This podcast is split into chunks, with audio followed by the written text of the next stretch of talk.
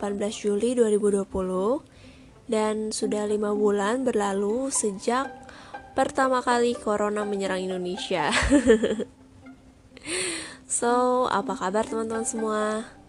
Semoga semuanya baik-baik aja ya, both mentally and physically. Di episode yang keempat ini, gue sebenarnya mau cerita agak-agak ringan dan agak-agak egois karena gue mau menceritakan diri gue sendiri. Konteksnya adalah pada bulan lalu, bulan Juni, gue berulang tahun ke 24. Jadi di episode kali ini gue pengen sharing sebenarnya Catherine Bella yang berusia 24 itu seperti apa sih? Apa sih yang ada di dalam pikiran dia? Apa sih yang penting bagi dia sekarang?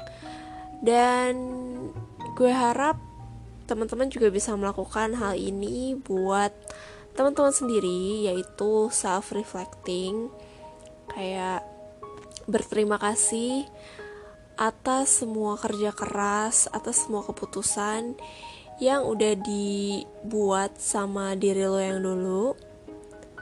Dan kemudian juga belajar dari apa pun keputusan yang salah ataupun kesalahan-kesalahan lainnya yang pernah lo lakukan.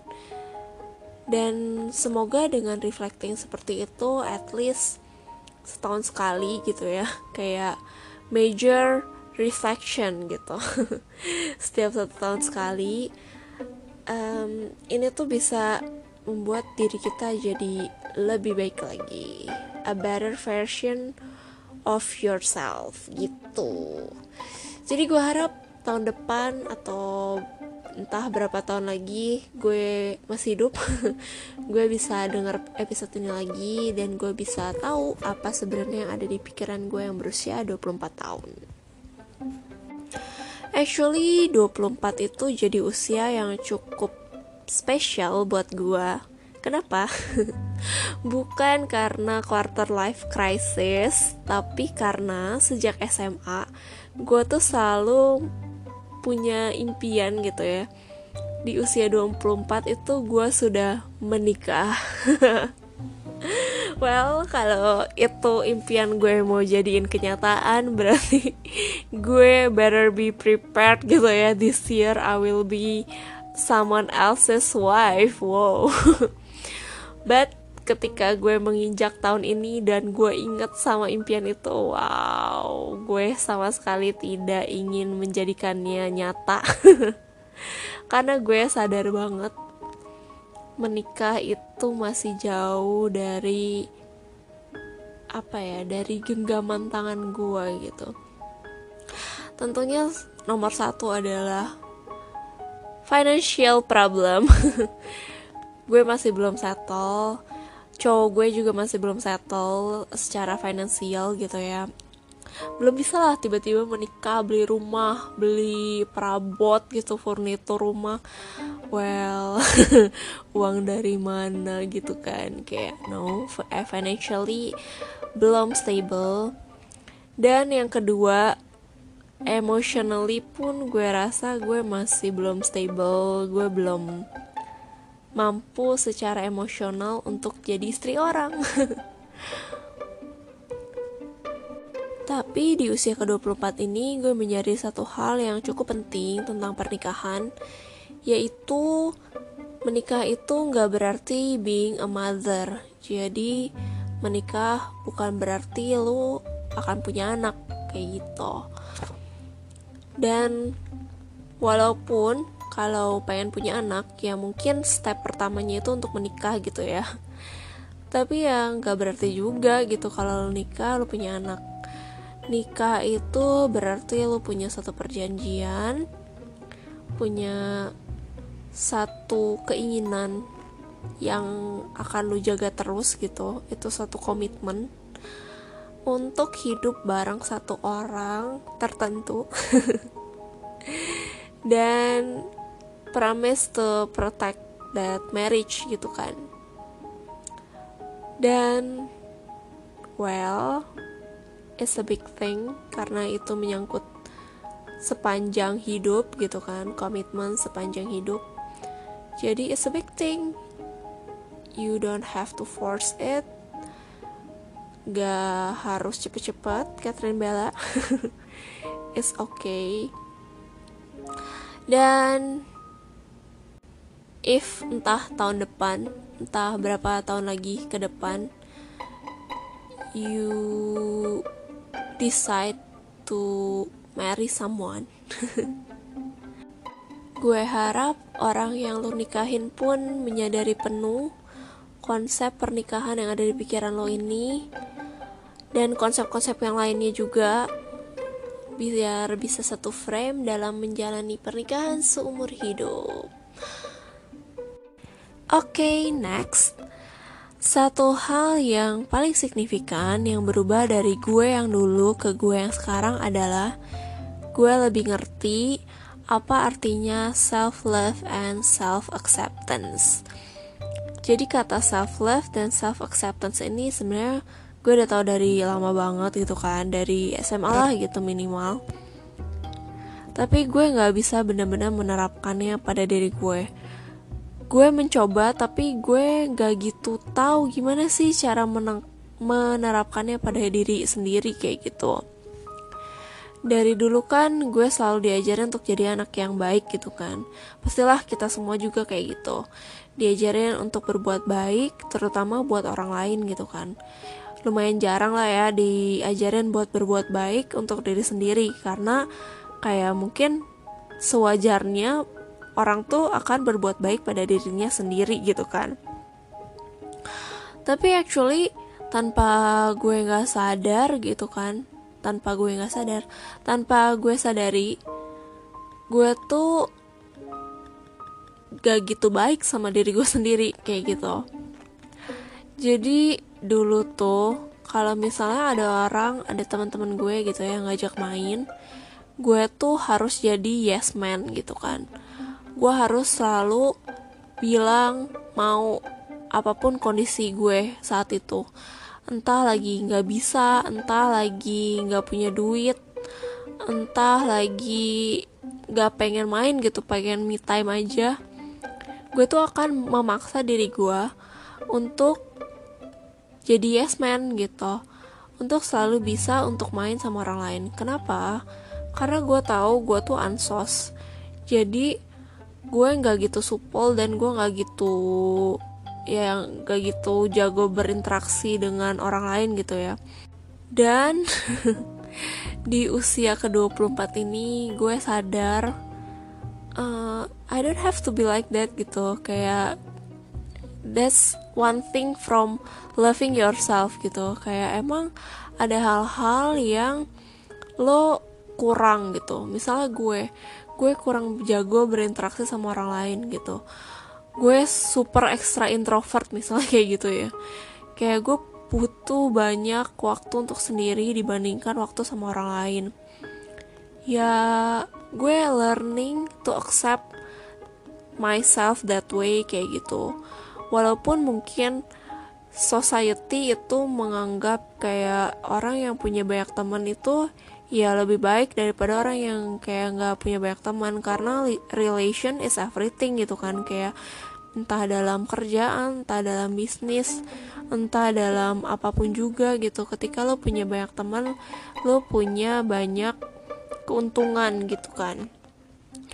Tapi ya gue juga sadar kalau gue bukan orang yang bisa seperti itu gitu. Gue bukan orang yang bisa selalu um, supel selalu bisa apa ya istilahnya ngeladenin semua orang gitu kan kayak gue nggak bisa gitu. Bahkan orang-orang pun kayak nggak istilahnya magnet gue ke orang lain tuh sangat lemah gitu ya. Kayak orang lain pun kayak jarang ada yang nempel sama gue gitu kan. And it's okay kayak that's fine kalau lu nggak bisa jadi orang yang punya satu kelebih punya satu kelebihan yaitu supel eh, it's totally fine. Yang penting itu relasi antara lo sama diri lo sendiri. Karena lu bisa kehilangan orang lain kapan pun itu gitu kan. Entah dengan cara apa pun entah udah gak ketemu lagi entah dia nanjau di sana gitu kan. You can lose people every day gitu. Tapi lu nggak bisa kehilangan diri lo sendiri gitu. Lu harus hidup sama diri lo sendiri 24 per 7 gitu. Kayak setiap waktu lu harus sama diri lo sendiri. Jadi uh, that's okay kalau misalnya nggak bisa totally punya banyak banget teman banyak banget relasi. Ya ketika ada waktunya lu juga akan punya teman-teman itu gitu. Ketika memang udah jalannya ya lu akan dipertemukan dengan orang-orang yang akan significantly change your life. And it's okay not to force them gitu. Karena ya pelajaran juga sih dari dulu-dulu emang gue nggak bisa maintaining relationship because I'm forgetful and because I am so freakingly tertutup gitu ya. Kayak gak ya gak banyak cerita gitu sehingga kayak gak banyak deket juga sama orang. That's fine Catherine Bella. And that's fine. You can do that every time needed. Um, that's a part of loving yourself even though you're a super weirdo doing many weird things. But that's fine that's you. Yes i think that's all for loving myself. Oh one thing added for loving myself jadi mencintai diri sendiri juga berarti mengampuni diri sendiri. Jadi satu hal yang gue sadari di usia ke-24 ini adalah dulu udah lama sih kayak berapa tahun yang lalu ya mungkin empat tahun yang lalu ada satu kejadian yang hmm, benar-benar bikin gue benci sama diri sendiri karena gue melakukan satu kesalahan yang gue anggap disgusting. Dan di mata orang lain pun gue yakin teman-teman gue semuanya menganggap it's disgusting gitu. My mistake is kayak bener-bener salah banget gitu kan. Kayak sulit untuk diampuni gitu kan. Dan ketika gue melakukan kesalahan itu pun gue ngerasa teman-teman gue yang ngejudge gue gitu kan. Jadi makin berasa kalau itu tuh salah gitu kan. Kayak gue tahu itu salah tapi gue tetap lakuin. Dan gue ketika setelah ngelakuin hal itu gue I feel so awful gitu. Karena gue tuh selalu terobsesi untuk jadi orang yang baik gitu. Selalu terobsesi untuk kayak melakukan hal yang benar gitu kan. Yang sesuai dengan perintah-perintah yang diberikan pada gue gitu. Kayak I'm so obsessed being a good girl. Dan ketika gue melakukan satu hal satu kesalahan itu gue bener-bener benci banget sama diri gue sendiri. Gue menganggap diri gue tuh disgusting kayak gitu. Dan well it's a hard hard time for me. Dan di usia ke-24 ini thankfully gue udah bisa accept semua kesalahan gue itu. Gue juga accept kenapa orang-orang mungkin apa ya kayak disgust by me gitu kan. Kayak gue ngerti kenapa orang-orang nggak suka sama gue. Atau mungkin saat itu kayak agak-agak ngejauhin gue gitu atau betray me gitu in certain ways. Um, but that's not important. Actually this is about myself ya. Terus jadi kayak melindur. Uh, ya intinya thankfully gue udah bisa accept my mistake and tentunya accepting doesn't mean kayak ya udah nggak apa-apa gitu. Tapi it means eh, maksudnya gue juga mengerti itu adalah satu kesalahan dan gue akan berusaha untuk tidak mengulanginya lagi. Gue belajar dari kesalahan gue. Tapi ya gue menerima gitu ketika waktu itu gue melakukan salah ya gue punya alasan untuk melakukan hal itu. Dan gue heal ya hilaf dan ya yeah, that's so human gitu. That's okay to make a mistake even though it's a big big mistake karena lu juga manusia dan ketika saat itu mungkin lu punya certain feeling certain emotion yang drive you to that decision to that mistake gitu. And yang pasti lu tahu sekarang what kind of emotion is that what kind of thinking is that and you know it's wrong and you will not do that anymore and that's that's all you need gitu kayak kesimpulan itulah yang perlu lu pegang seumur hidup tuh Catherine Bella. And ketika gue menerima itu dan gue mengampuni diri gue sendiri walaupun prosesnya tentu tidak semudah dan se secepat itu hmm, ya gue pikir di usia ke 24 tahun ini 4 tahun dari that big big mistake I think I can forgive myself com com completely dan moved on hey Congratulations Catherine Bella. okay, that's all for self love. Tapi ketika mungkin entah berapa tahun lagi lu udah bisa improve yourself little by little gitu kan. Untuk punya relasi yang lebih banyak untuk maintaining relationship ya yeah, that's better. But you don't have to force it even eh you don't have to force it if you don't like it.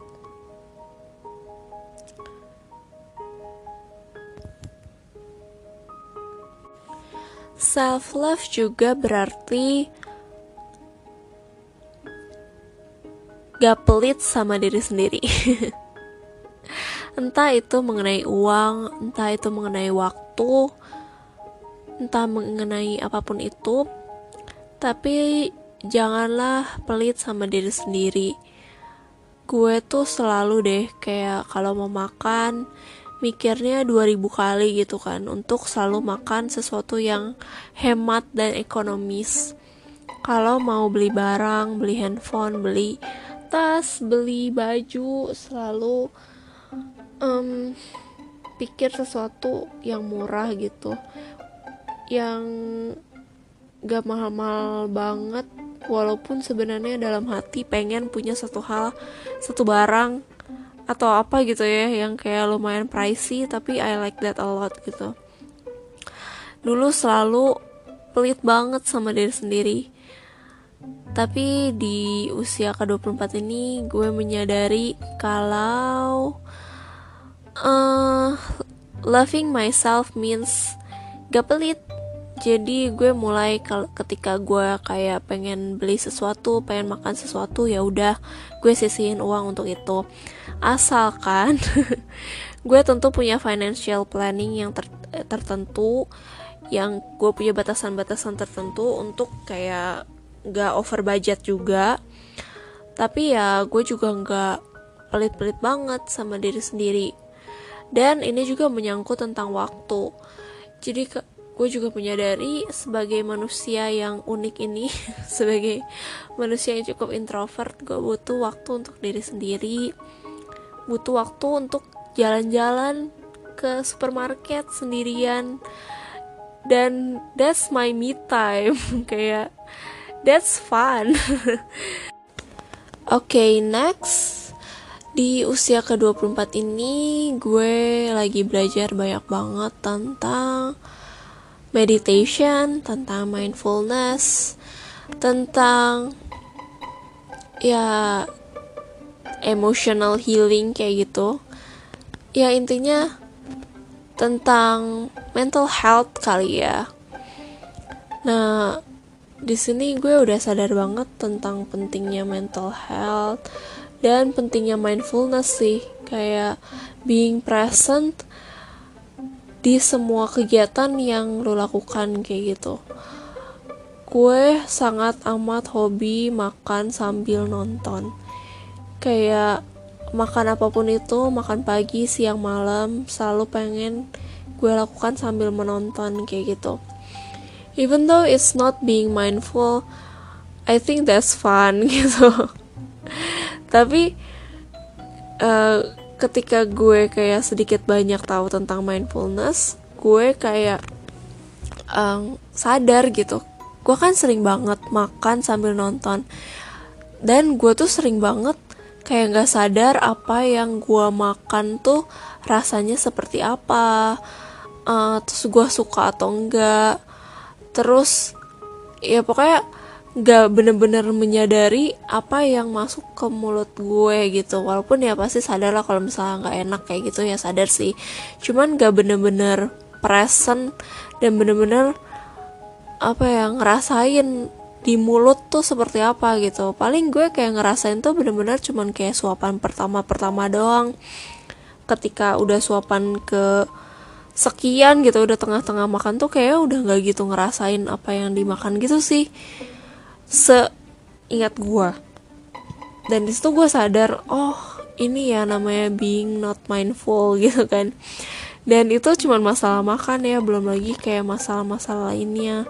Masalah ketika lagi ngobrol sama orang sering banget lupa apa yang diobrolin. Mungkin itu salah satu dari um, bukti gitu kalau gue belum bisa mindful dalam berbagai hal dalam banyak kegiatan yang gue lakukan setiap hari. Dan being mindful is very important because being present karena present time is the most valuable time gitu kan. Kayak not the past not the future but the present. Kayak karena di present time itulah lo bisa melakukan semua hal yang mungkin akan mengubah masa depan lo gitu. Dan di present itulah lo akan membuktikan ke diri lo apakah lo mm, thankful for for what you had before gitu kan. Ya yeah, meditation is a way of life. I think you should do that more for your better mental health. Ya belajar itu mungkin tidak mudah apalagi belajar untuk meditation belajar untuk fokus di mana diri lo sangat tidak fokus. But I think mm, it will be worth it if you do the meditation regularly or do yoga maybe. So you will be more focused on everything you do in the present time.